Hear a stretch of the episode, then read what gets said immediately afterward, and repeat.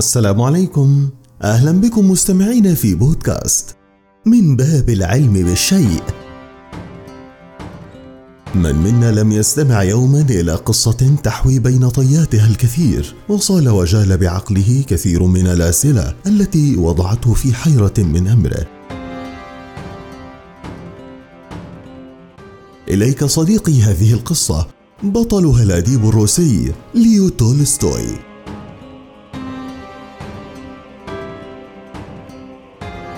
خلد الأديب الروسي ليو تولستوي اسمه في المكتبة الأدبية العالمية برائعته الحرب والسلام. تلك الرواية التي عبرت عن أحلام الفقراء وآمالهم وعرضت مواقفه من الكنيسة والقيصر ودعاة العنف والتي تلقاها أبناء وطنه كما يتلقون التعاليم الدينية من قديس. غير أن في حياة ليو معاناة لم تتفجر إلا عند بلوغه سن الثانية والثمانين.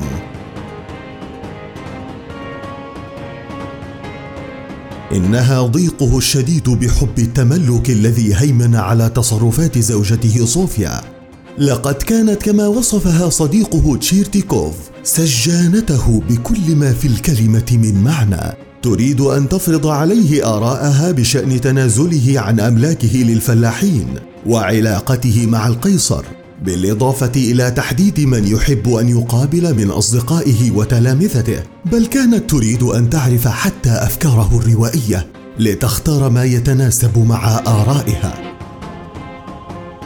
ولولا أنه شديد الإيمان بالله لقتل نفسه ياسا منها منذ زمن بعيد. ورغم فراره من حبها القاسي. إلا أن صوفيا كانت إلى جانبه في سريره في بلدة ستابوفو وهو يفارق الحياة ويودع البسطاء الذين حررهم في روايته من عبودية المزارع.